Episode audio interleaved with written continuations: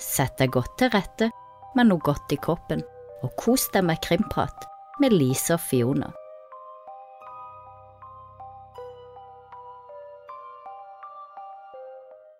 TV-serien Rike ble enormt populær da den kom på 90-tallet, og 15. mars er det norgespremiere på sceneversjonen av Lars von Triers kultklassiker på Oslo Nye Sentralteater. Den danske regissøren Kasper Wilton lover en rutsjebane av en forestilling når han skal fortolke Lars von Triers kultklassiker på teaterscenen. Den populære TV-serien om maktkampen mellom legene på Rikshospitalet og kampen mellom vitenskapen og det overnaturlige fortsetter å fenge. I løpet av to timer skal det historiske Sentralteatret romme 65 ulike steder på rike Rikshospitalet, så vel som 13 skuespillere, tre barn, sangere, en gruppe syngende losjebrødre, et par gjenferd og et vell av intriger i denne forestillingen, som er både en grøsser og en komedie. Riket har alt. Og Sentralteatret har jo sitt eget husspøkelse. På Oslo Nye Sentralteatret kan man ha ubehagelige opplevelser i den eldgamle skuespillerfoajeen, og i mange år har Sentralteatret spredd litt ubehag blant alle teatrets ansatte. Skuespillerfoajeen og garderobene ligger i et fantastisk hus fra 1600-tallet. Masse om- og innbygninger gjør at huset i dag er fullstendig umulig å se, og i disse lokalene åpna Grensehaven teater i 1780. Det sies at det er adelsmannen Enevold i Falsen som er en av to som går igjen oppe på Sentralteatret. Det var han som holdt åpningsmonologen, og en regnfull novembernatt i 1808 forsvant han rett etter et teaterbesøk, og det ble landesorg da hans lik neste dag ble funnet ved strandkanten i Bjørvika. Enevold i Falsen hadde tatt sitt eget liv. Rikets regissør, Kasper Wilton, er egentlig teatersjef på Folketeatret i København, og de har også sitt eget husspøkelse, Sofus, så det er ikke ukjent for Kasper Wilton å jobbe i et hus med gjenferd. Sofus var scenetekniker, og det ble sagt at han hengte seg fra ulykkelig kjærlighet på scenen i 1950, og ifølge historien har han ikke forlatt teatret siden den gang. I denne forestillinga, som er både en grøsser og en komedie, møter vi blant annet Henrik Mestad. Han besøker teatret i rollen som den pompøse, overlege-arrogante svensken Helmer. Birgitte Victoria Svendsen spiller rollen som fru Drusse, hypokonderen med direktelinje til sykehusets gjenferd.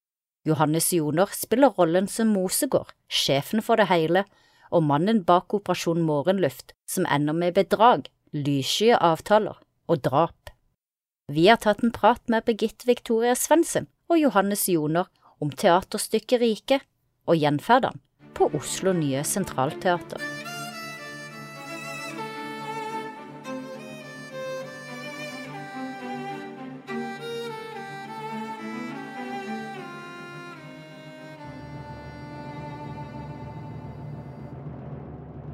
Hva heter du? Hei, jeg heter Lise. Hyggelig- Lise, ja. Birgitte Ja. heter jeg. Hyggelig. Hei.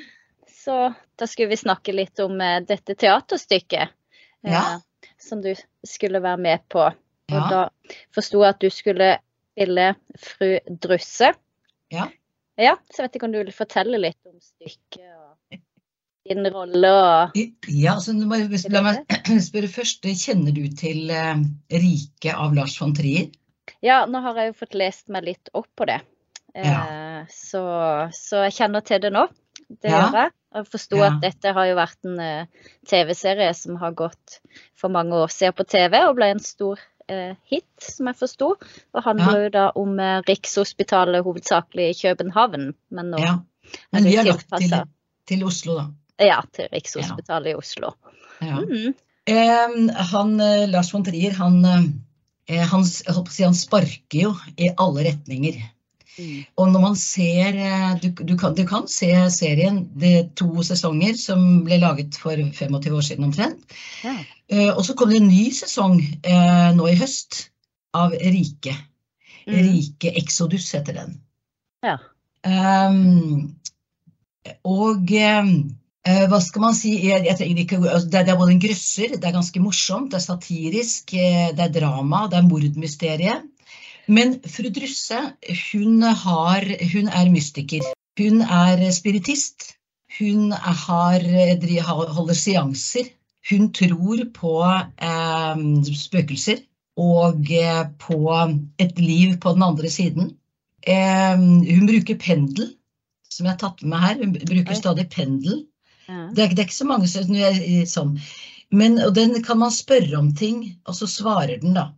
Så jeg har jo pendulert mye her på teatret i forhold til spøkelsene her.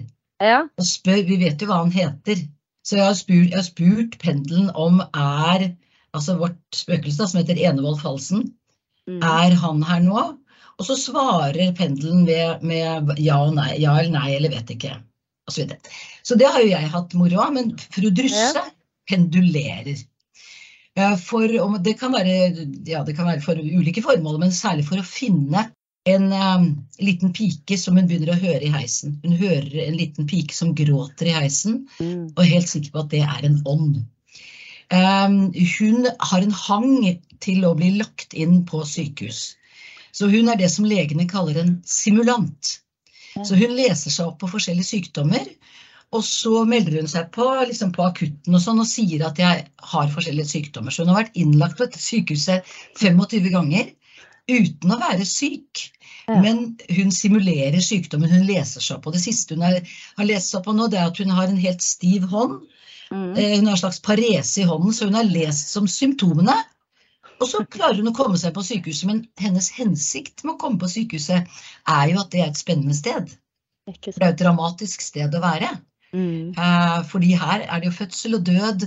Her kan det ligge mysterier gjemt i veggene. Mm. Det kan være leger som dekker over for hverandre ved feiloperasjoner.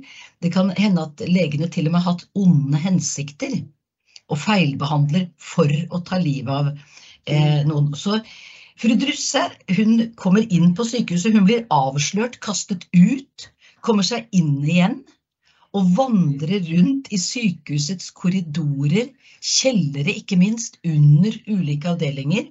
Hun har en venninne på sykehuset som er døende, og, men også spiritist. For dette er jo på en måte en, dette er jo en gjeng, dette er en forening av folk som tror på det. Og så, eh, når hun også spør så spør venninnen som er døende, Emma, er det noe jeg skal gjøre for deg på den andre siden? Ja, sier jeg. Du må se om du kan finne den lille piken og spørre henne om ting. Så dette er jo alt ganske eh, mystisk og heftig, men vi løser gåten. Vi ja. løser en 100 år gammel mordgåte eh, med, med seanser, med ja. kontakt på den andre siden med eh, gamle dukkevogner som triller rundt av seg selv. Nei. Så hvor det ligger en gammel dukke som setter henne i gang. Så hun, hun er en slags mystisk detektiv. Ja, spennende. Det er fru Drusse. Ja, det høres mm. veldig spennende ut. Ja, og hun blir også godt hjulpet av at hun har en sønn som er portør på sykehuset. Mm. Han heter Bulder. Ja. Han, er jo, han, er ganske lei av at moren driver og eh, vandrer rundt på sykehuset. Men det kan ikke Og han har også evner. Så ja. han hjelper også til med å løse mysteriet. Skjønner. Moren tvinger ham til det. Ja. ja. Og har dere fått kjent på noe ekte Har du kjent noe når du har vært på Nationaltheatret? For det ryktes vel at det er noe gjenferd der også? Ja, nei, altså det, Jeg er jo interessert i disse tingene selv. Syns Ja. Det er veldig morsomt. Og jeg, jeg leser meg jo liksom litt opp på forskjellige ting da, når, når jeg holdt på med dette her om pendulering osv. Mm -hmm. Det som er sørgelig, er at jeg, jeg kjenner ikke noe spøkelse. spøkelser. Jeg kjenner ikke noe kaldt. Oi. Mm. Jeg, jeg, jeg, fant faktisk ut av hvor vårt spøkelse er på Centralteatret. Jeg, jeg, klarte å finne ut av at med pendelen, da, ja. hvis man tror på pendler, mm. så fant jeg ut at han satt i salen og så på. At han satt på balkong at han satt på bakerste rad. Til og med hvilket sete. ikke sant? Jeg driver med ja- og nei-spørsmål. Sitter han der, sitter han der, sitter han der? Nei, han sitter på den og den plassen. Ja. Um, så prøvde jeg å gå opp der og sette meg ved siden av han. Kjente ingenting. Jeg mente kanskje jeg kjente noe litt sånn kulde, men jeg men, så, det, så, dessverre så jeg, jeg, ja. Nei, og jeg er ikke kjent på Nationaltheatret heller. Nei. Da kan det jo bli en spennende opplevelse for det publikummet som kanskje får det setet oppe på balkongen. da. Kanskje, men han kan jo flytte seg rundt også. Han kan jo det. Jeg husker I barndomshjemmet mitt så skjedde det mye rart. Eh, Ja. det jeg husker aller best, det er jo kanskje den der følelsen i kroppen. Ja. Og når jeg flytta derifra, så har jeg aldri følt den følelsen noen andre steder. Og det var mer sånn eh, en slags ubehagelig følelse. En ubehagelig følelse. Ja, nesten det der du føler at noen eh, stirrer på deg bakfra, eller eh, Ja, ja, ja. sånn, ofte en løp fort opp trappa til rommet, eller Det var bare en sånn derre følelse som er vanskelig å forklare. Men når jeg flytta, som Ja. sagt, så forsvant den. Så det er vel kanskje det jeg husker best. Det skjedde selvfølgelig ting, men jeg så aldri noe spøkelse eller noe. Det skjedde jo ting som flytta seg, og Ja, flyttet seg og sånne. forskjellige sånne Men, men det som er, jeg liksom, som er interessant da, med, når hvis, man, hvis man har eh, opplevd disse tingene og tror på det, det er jo det at spø, vet spøkelser at de er døde. Ikke sant? Altså, fordi at jeg sier her et sted at, at spøkelser, gjenferd, befinner seg i en mellomtilstand. Mm. Ikke sant? De er døde, eh, men de vandrer rundt eh, hvileløst, og de kan være sint for at noen flytter inn i det huset de bodde i. Det kan være mange, eller de er ute og går på veien, så sier de sånn Gud, hva var det så rar den damen var i gammeldagse klær, sånn som hun var fra 1870, liksom. Og så snur de deg, så er hun borte, da. Jeg leser mange sånne historier. Ja. Men så er det det. Vet de at de er det? Og så kommer det jo sånne, sånne medier som kan dette her, og renser hus. Mm. Og, da, og det, det jeg innbiller meg at de gjør da, det er at de sier, klarer for liksom, hvor er denne, dette gjenferd, så sier sånn, du må gå over. Mm. Du må gå over til den andre siden. Du skal inn i lyset, Mm. eh, for du skal ikke være her i denne mellomtilstanden. Så eh, det, men om det er noen som bare ikke, hvorfor noen fortsetter å Mm. vandre rundt, og noen går over til eh, da, den andre siden. Mm. Det er ikke godt å vite. Jeg vet Nei, ikke. nei, det er jo ikke lett å, å finne noe svar på det. Det vet man jo ikke. Men Nei. for meg, da, som har i hvert fall opplevd ting i barndomshjemmet, så kan jeg ikke si at ikke det er et eller annet mellom himmel og jord heller. Jeg kan jo ikke benekte det som har skjedd. Jeg kan ikke forklare det. Så jeg har jo lurt på om de bare går på en sånn loop, eller er det energien de sin som henger igjen, eller Og noen ser jo også, Ja, det er jo noen som ser, absolutt. Mhm, så, Ser skikkelser. Altså, er jo så, eh, men, men eh, nei, her er det jo Her skjer det jo masse mystiske ting. Jeg er på teatret, du skal kanskje snakke med Johannes etterpå, men Mhm, for mange år siden så hadde vi, så hadde vi hun lille Bendriss her. Det er virkelig mange år siden. Ja. Så hun var her i rommet, dette gamle rommet, som er vår skuespillerfoie, som er fra 1700-tallet. Mm. Så hadde hun med seg en assistent, og han gikk opp her i andre etasje. Og så sa, så sa han ja, sånn, Hun sto jo også og kjente så Ja, det er der. Det er der i det hjørnet der. Mm. Motsatt hjørne av hva jeg sitter nå, da. Nå sitter Ja. jeg i en gammel garderobe. Uh, og jeg har en eh, kollega som satt i den garderoben som nok spøkelset vårt, for han var skuespiller her. ja. Uh, og så sier jeg hun, hun, er, hun, hun eh, merker ting. Mm. Så s- sier jeg åssen er det der oppe, Marit, sier jeg. Uh, vi kaller det for jobb, disse er oppe andre på balkong, liksom, i denne foajeen. Uh, så sier jeg at til tider er det ganske folk, folksomt. ja. Det er nok flere. Altså, så hun kjenner at liksom hun kommer inn i den lille garderoben, så er det litt mange andre der. Det er litt mange, ja. Så, men det er litt folksomt der, hun kan ikke se dem. Men men Lilly Bendriss sa også ja, det er oppi det hjørnet der. Kjente liksom kulden derfra. Og så er det jo mange som har opplevd ting, at de sitter i, i en sånn sminkelosje her nede og ser, mm. og ser i speilet, ikke sant. Og så Oi. ser de at noen går forbi bak dem. Og så sier de hallo, og så er de kanskje alene her, osv. Så, videre. Så, det, så nei, det har vært mange opplevelser der. Og Mhm. Nede der hvor våre påkledere har, hvor de stryker tøy og har eh, si, alt sitt utstyr på et bitte lite Mhm. rom. Der sier de at, at eksempel, hvis det er veldig mange mennesker og de står der inne i døråpningen, så kan de kjenne liksom bak seg en sånn, kjenner en sånn kulde bak seg, som om det er flere her. Ikke sant. Som er litt sånn ubehagelig, da. Ja, ja, det blir jo litt sånn følelse at noen ser på deg, og så er det ikke noen der. Ja, ja, noen står rett bak deg, der, liksom kjenner det liksom i ryggen. Ja, og jeg vil jo Ja. tro at mange av de som har jobba på teatret for lenge siden, de har vel også sikkert hatt en sterk tilknytning til stedet. Absolutt. Det er jo ikke så rart kanskje at noen av de går igjen og Nei da, og denne, denne personen da, som heter Enevold Falsen, som er faktisk er da tippoldefaren til en som Mm. vi har med i forestillingen, som heter Ferdinand. Ja. Falsen His. Ehm, han eh, Nei, han, han Enevold Falsen, han, han var veldig ulykkelig forelsket i en gift dame, og med han selv var gift. Og de, altså de hadde jo andre yrker enn at de var eh, eh, Hva heter det for noe? Eh, men at han gikk herfra, visstnok Mm. her fra Sentralteatret, og opp i Ekebergskrenten eller der omkring, og tok livet av seg. Ja, Så han, tok, han var jo ulykkelig og tok sitt eget liv. Men det var Mm. her han var forelsket i denne eh, kvinnen, da. Mm. Og om de hadde et forhold, det husker jeg ikke, men det er mulig at hun også går igjen her, det vet jeg ikke. Nei. Men de var liksom sånn, de hadde sånn dramatiske selskap og sånn på den tiden. Det var ikke noe, var ikke noe eh, altså de, ja, de møttes og så spilte de litt sånn som de gjorde i Danmark og i Europa. Vi fantes jo ikke noe teater i Norge da. Nei. Men for de, liksom, for de kondisjonerte, vi hadde jo ikke akkurat adel, men for de, de rikeste familiene, de som var rike da, og hadde Mm. penger og eiendom i Oslo, så de samlet seg, og de var jo dannete mennesker og Ja, var jurister og prester og leger og hva de var for noe. ikke sant. Det er jo ofte kanskje litt sånn ulykkelige historier bak de, eh, der man Ja, kan det oppleve det at man går gjennom. Mm. Og i, det, i vårt tilfelle da, så det, gjelder det jo en liten pike som gråter. Jeg hører et barn som gråter. Mm.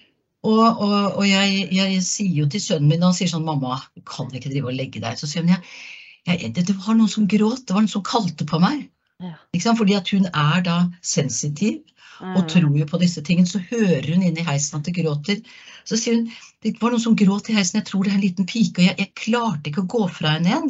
Mm. Eh, så jeg, jeg, bare måtte bli innlagt. Så hun klarer å snike seg inn på sykehuset igjen Ja. Og blir innlagt da.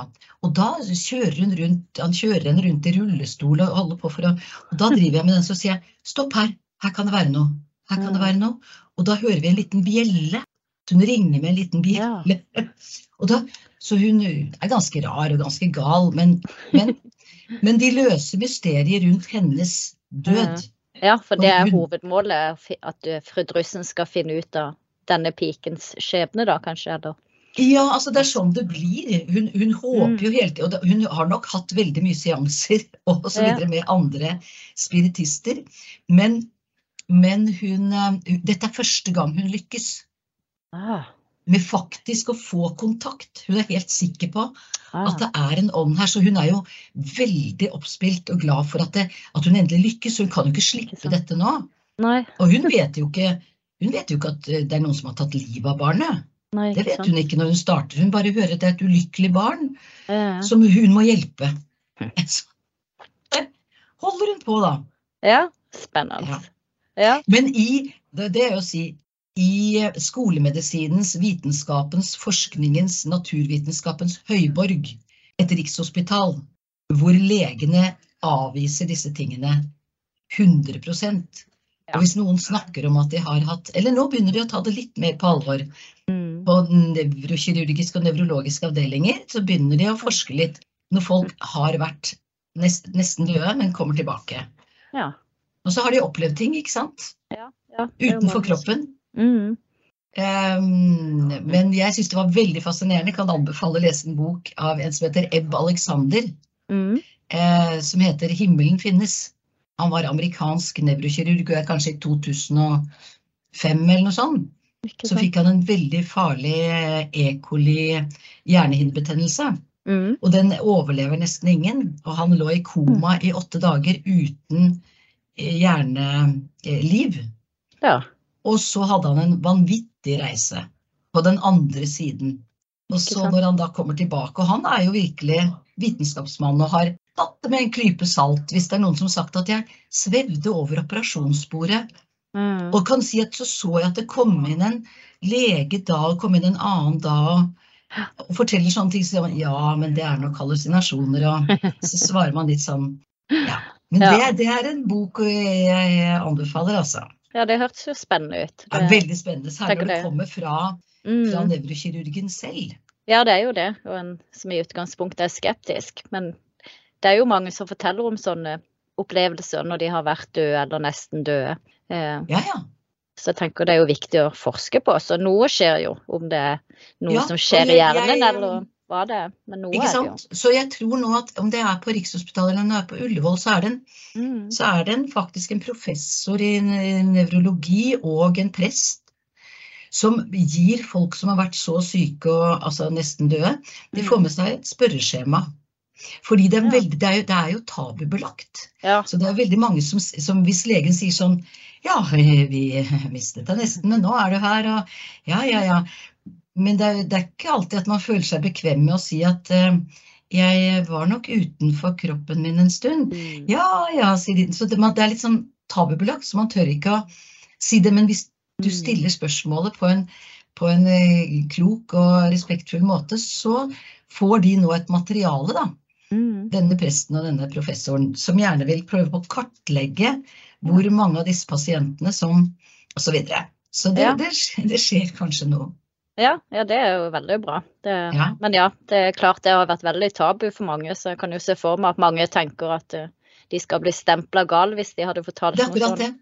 Så jeg Mm. tenker jeg sier ikke noe, jeg er glad for at jeg kom tilbake der. Det er jo det. Og så tenker jeg jo òg med sånne ting som er litt sånn mellom himmel og jord, så kan jeg også forstå at for de som aldri har opplevd noe eller kjent noe, at det er vanskelig å tro på også.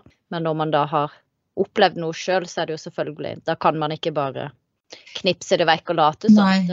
Noe er det jo. Da er det jo selvfølgelig lettere å tro at noe er det, selv om man ikke kan definere helt akkurat hva det er.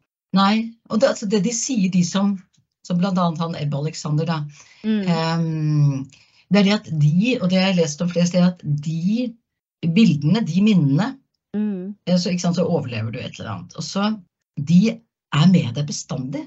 Altså Mm. andre minner svinner jo, andre eh, dramatiske ting, eller det at han våknet opp igjen og var helt forvirret og brukte mange måneder på å få denne hjernen til. Altså Mm. alle de ubehagelige minnene i dette livet, eh, de, de svinner.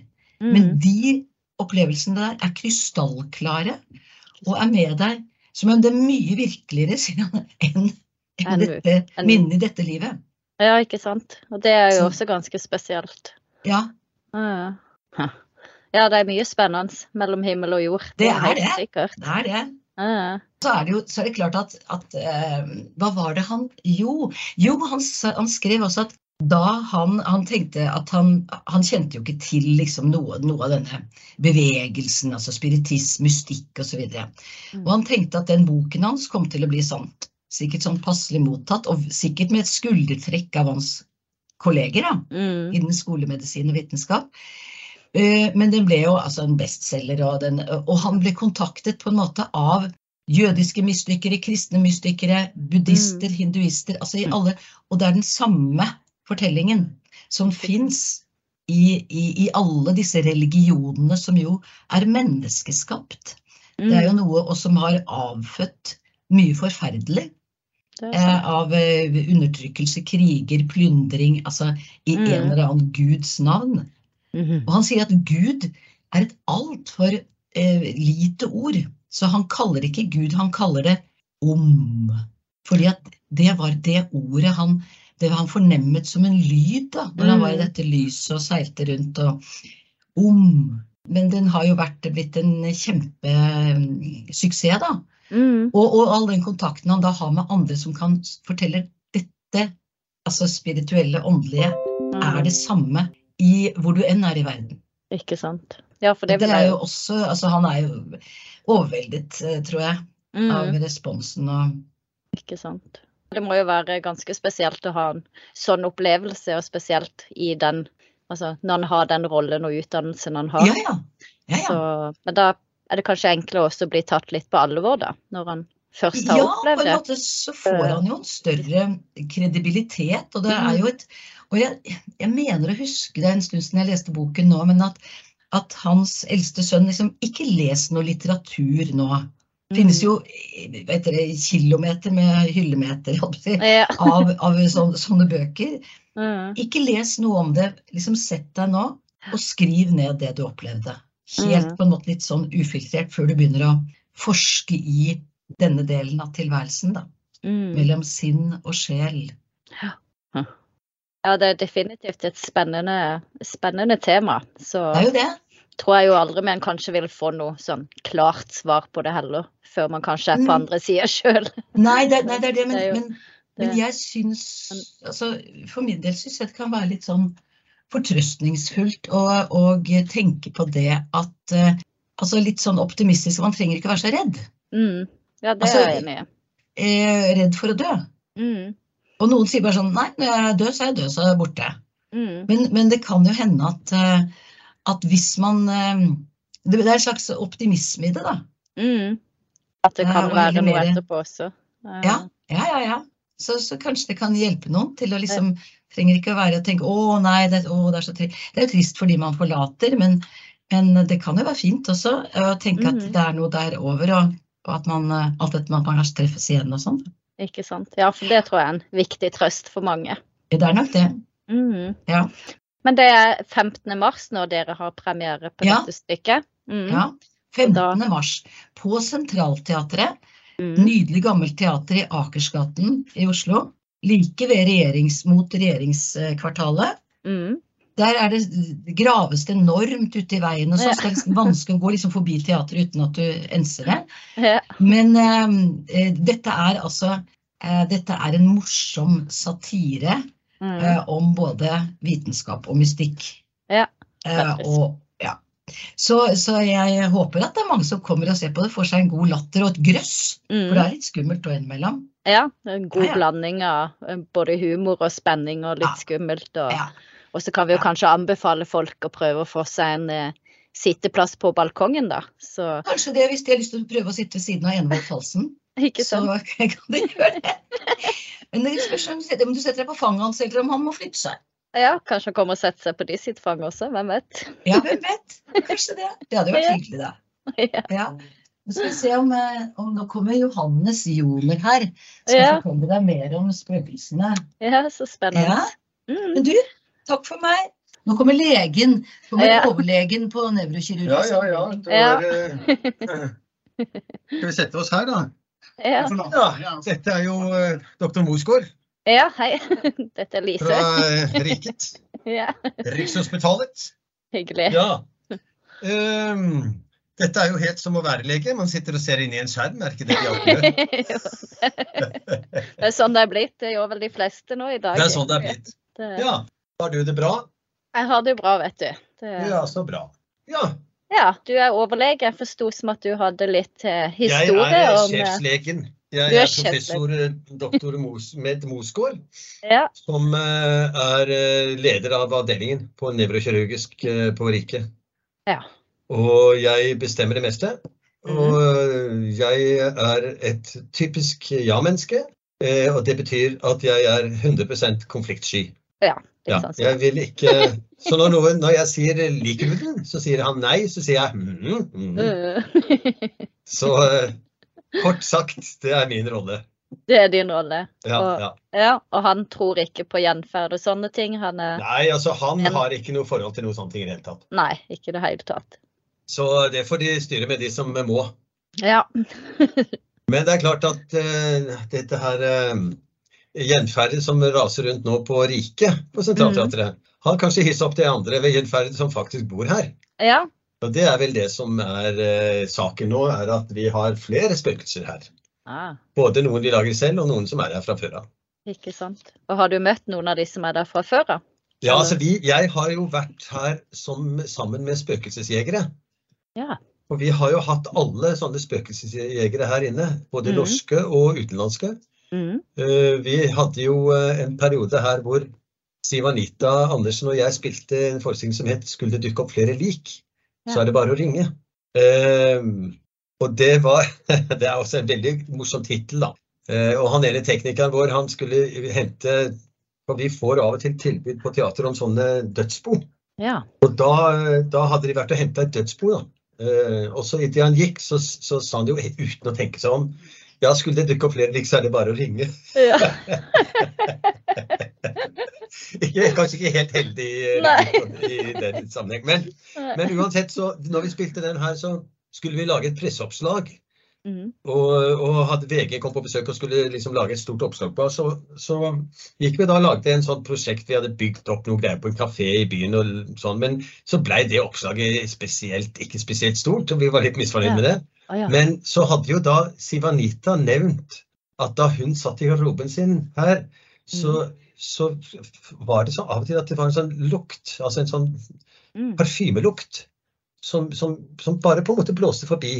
Akkurat som om det bare gikk forbi meg, sa hun. Og det tenkte hun ikke noe over, for hun tenkte på teater er jo parfymer og sminker. og så, så hun tenkte ikke over det, helt til hun da fikk vite at det faktisk er spøkelser her. Og da sa hun ja, men selvfølgelig, det er jo det det er. Ikke sant. Så her oppe i andre etasjen på Sentralteatret har jo altså da eh, Enevold Falsen og, og denne her kvinnen som eh, Jeg vet ikke hvem hun egentlig var. Noen sier at hun heter frøken Wessel, men Mm. eh, om hun var gift med en godseier eller en greve, det vet jeg ikke. Men i hvert fall så hadde de et lite forhold her oppe. Mm. Eh, Enevold Falsen, eh, som var en mann som eh, var høyt oppe i eh, kretsene, han var jo adelig selvfølgelig. Eh, Enevold D. Falsen. Han kom fra Danmark, men ble sparka til Norge fordi at han hadde hatt et forhold til eh, dronningens kammerpike. Mm. Og da han var i Oslo, så fikk han også rota seg bort i noen forhold, så han ble sendt til Finnmark en periode. Ja. Eh, Men kom tilbake og, og var med på å starte da det dramatiske selskap. Som er det første teater i Oslo, og som vi Mm. gjerne kalte Grensehaven teater. Ja, okay. Fordi tomta til Bernt Anker het Grensehaven. Og det er vel derfor det heter Grensen og sånn her også på i Ja. gatene her. Ikke Fordi sant. det var på en måte bygrensa i gamle dager. Ja, skjønner.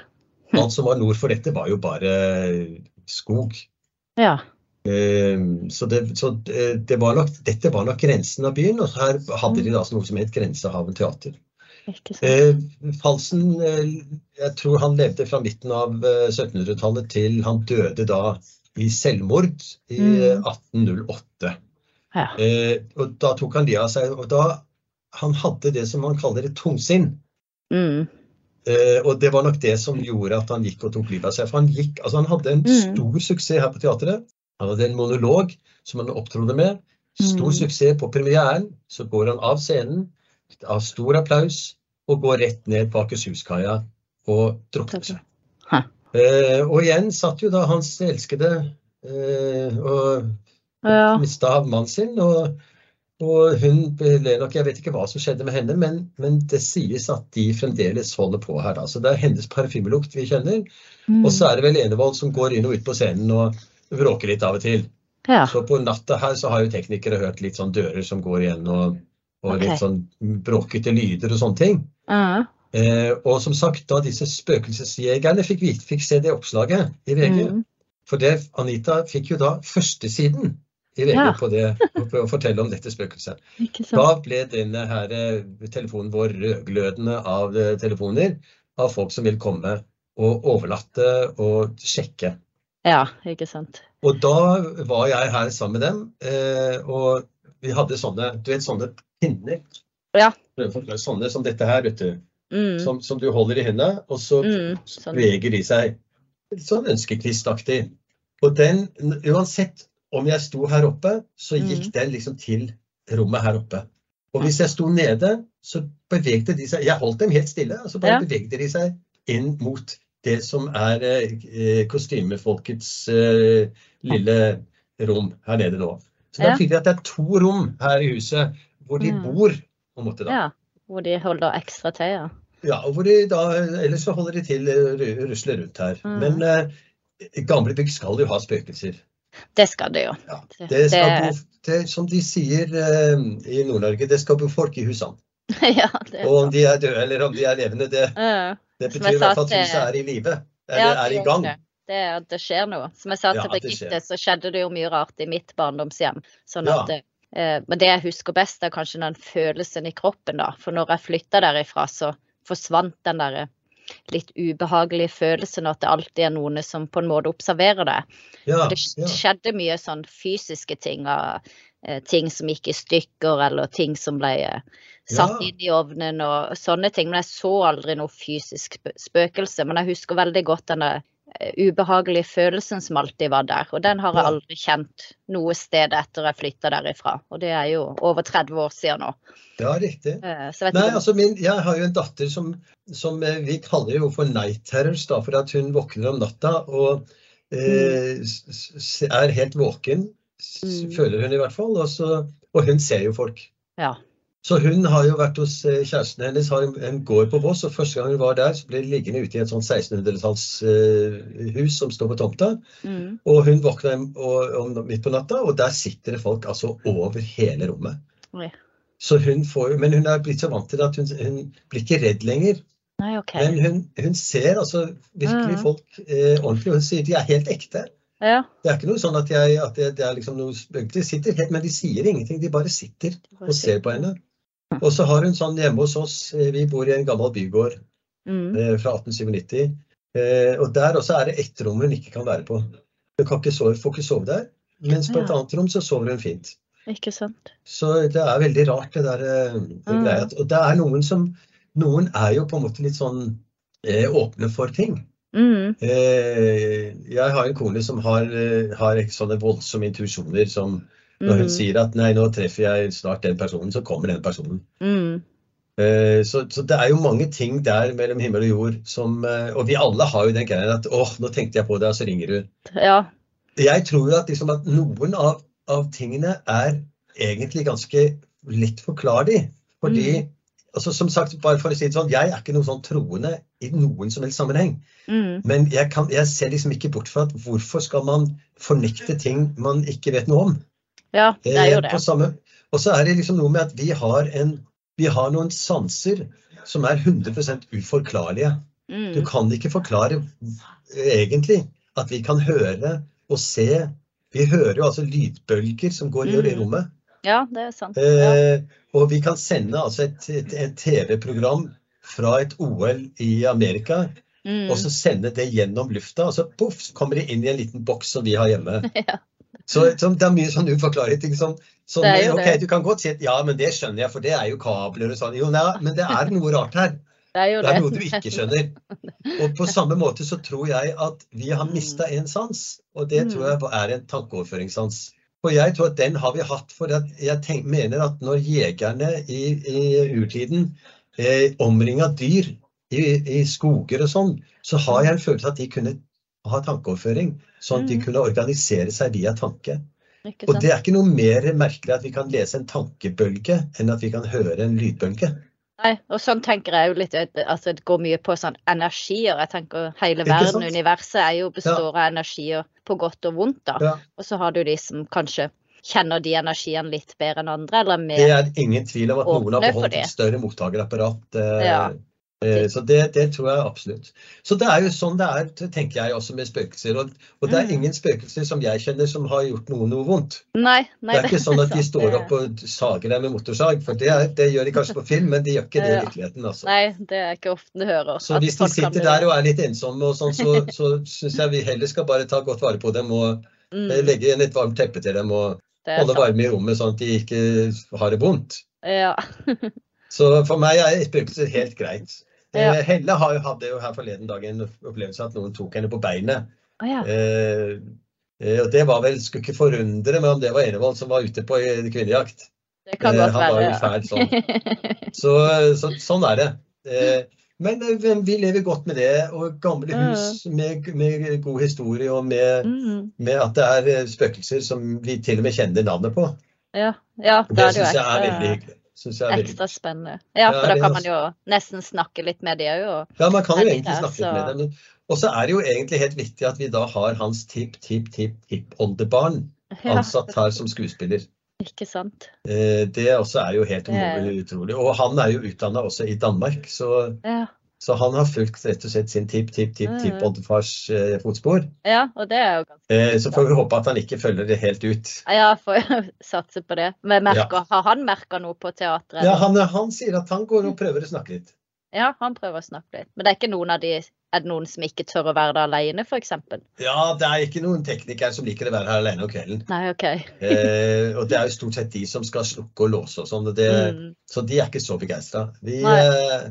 De andre går jo når vi er ferdig med jobb. Det er jo liksom Den store fordelen med å være skuespiller er at når vi er ferdig på jobben, så klapper alle for oss. Ja. Det er noe egentlig alle mennesker burde oppleve. Jeg syns jo elevene skulle klappe for læreren sin. Og Ja. når du er syk og blir frisk, så syns jeg du skal klappe for legene og sykepleierne. ja, eh, Fordi at de fortjener det. Det er sant, det. Så der er vi heldige, da. Det må jo være en god følelse. Men ja, det er sant. Det er sikkert mange er som kunne trengt litt ekstra applaus i livet sitt. Ja, jeg tror det at det kan være en Mm. ganske bra ting for folk å få lov til å kjenne at de faktisk gjør en god jobb. For de fleste Mm. gjør jo det, men får veldig lite tilbakemeldinger på det. Det er jo sant. Mange har jo en jobb som ikke er så godt synlig, selv om den er viktig. sant? Det Ja. er helt sant. Så, og alle mennesker vil jo synes.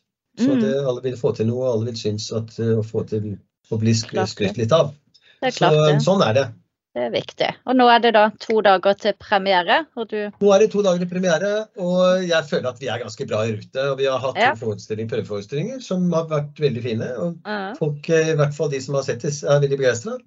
Og så er det jo liksom noe med at vi, vi treffer tidspunktet ganske bra med, med alt det snakket om legevesen som vi har for tida. Mm. Så jeg føler jo at vi er, vi er ganske bra i, i eh, aktuelle. Det hørtes eh, veldig så- spennende ut. Ja, det er liksom det er, det er mye rare ting med sykehus. Blant annet Mm. hierarkiet er jo en ting som er ganske rart. Eh, Hvem som er høyest i hierarkiet, Ja. og hvordan den har en vakt som den ofte gjerne utfører. da. I operasjoner og sånn, så, så er det sjefen som er sjefen. ikke sant. Det er som flyverne, det er kapteinen som styrer flyet.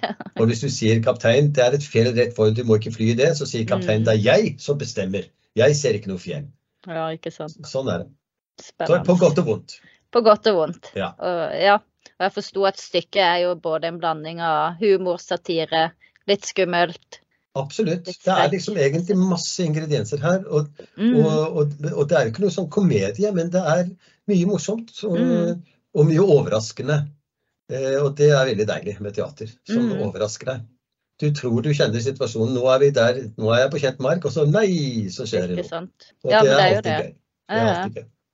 Så, så vi er glade og håper og tror at dette skal bli en, en hyggelig periode for oss alle. Jeg er jo alltid liksom litt imponert over, over oss, eh, for å skryte av mine kolleger, at vi, vi lager jo nye universer eh, på åtte uker. Mm. Mens, Ja, mens politikere sier at da skal vi sette ned en komité, og så får vi se neste høst om det finnes noen muligheter for eh, fremgang. Ja. Eh, så driver vi altså på hver åttende uke og lager et helt nytt univers fra ingenting. Så vi har jo deadliner som er helt klare. Ja. Og det er egentlig ganske gøy. Og, og, og du blir Ja. vant til å presse deg litt for å få Mm. til eh, det du skal gjøre. Ikke sant. Uh, og, og så er det jo det at vi, vi roter inn i mange forskjellige temaer og miljøer gjennom livet.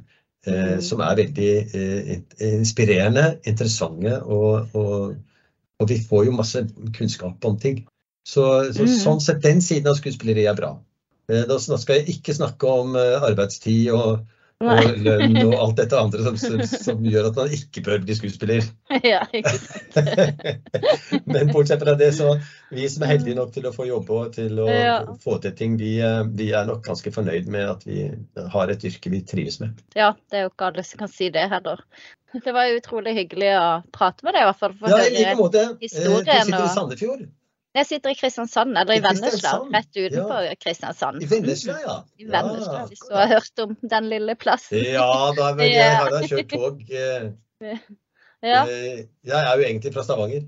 ja, ikke sant. Det er faktisk min slekt også. Vi kommer Ja. fra Sandnes. Ja, riktig. Mm. Ja, nettopp. Nei, så jeg har reist mye gjennom Sørlandet. Jeg har kjørt mye rundt omkring der på vei eh, over til vest. Så det er en, det er en godt kjent rute. rute. Det er bra. Mye fine folk der. Ja, ja, det er det. Fint Det er det virkelig, altså. fint her i sør også. Absolutt. Vi var jo nettopp der og spilte Så som i himmelen på teateret der. Ja, ikke sant. På På, Kilden. ja. Ja. -hmm. Så nei, Kristiansand er en fin by. det er det. Spesielt på sommeren. Så Spesielt på sommeren, selvfølgelig. ja. Ja. ja. Nei, men da må dere ha masse lykke til ja, med var Forventer at dere vi eh, fyller opp hver dag, så Det skal vi gjøre. Nå skal vi fortsette helt til mai, i midten av mai. Ja. er så Eh, Så du får bare si til folk at her skjer det ting som det er verdt å komme innom. Mm. Absolutt. Det skal jeg gjøre. Det skal vi gjøre. Ja. Da får du ha en fortsatt god dag. Det må du også. Lykke til med prøven. Ja, ha det bra. OK, ha det Ha det. fint. Og det var da intervju med Birgitte Victoria Svendsen, som spiller fru Drusse og Johannes Jonersen spiller Mosegård, sjefen for det hele. Så hvis du har lyst til å se dette stykket på teater, så går det da på Oslo Nye Sentralteater. Oppstart 15. mars, og den siste forestillinga går 13. mai. Stykket heter Rike, og er da basert på en eh, kultklassiker fra Lars von Trier. Stykket går fire til fem ganger i uka. Og hvis du skal se stykket og kanskje har lyst til å møte et ekte spøkelse, så anbefaler jeg kjøpe billett på Balkongplassen. Har du et enkeltpersonforetak eller en liten bedrift? Da er du sikkert lei av å høre meg snakke om hvor enkelt det er med kvitteringer og bilag i fiken, så vi eh, gir oss her, vi. Fordi vi liker enkelt. Fiken superenkelt regnskap.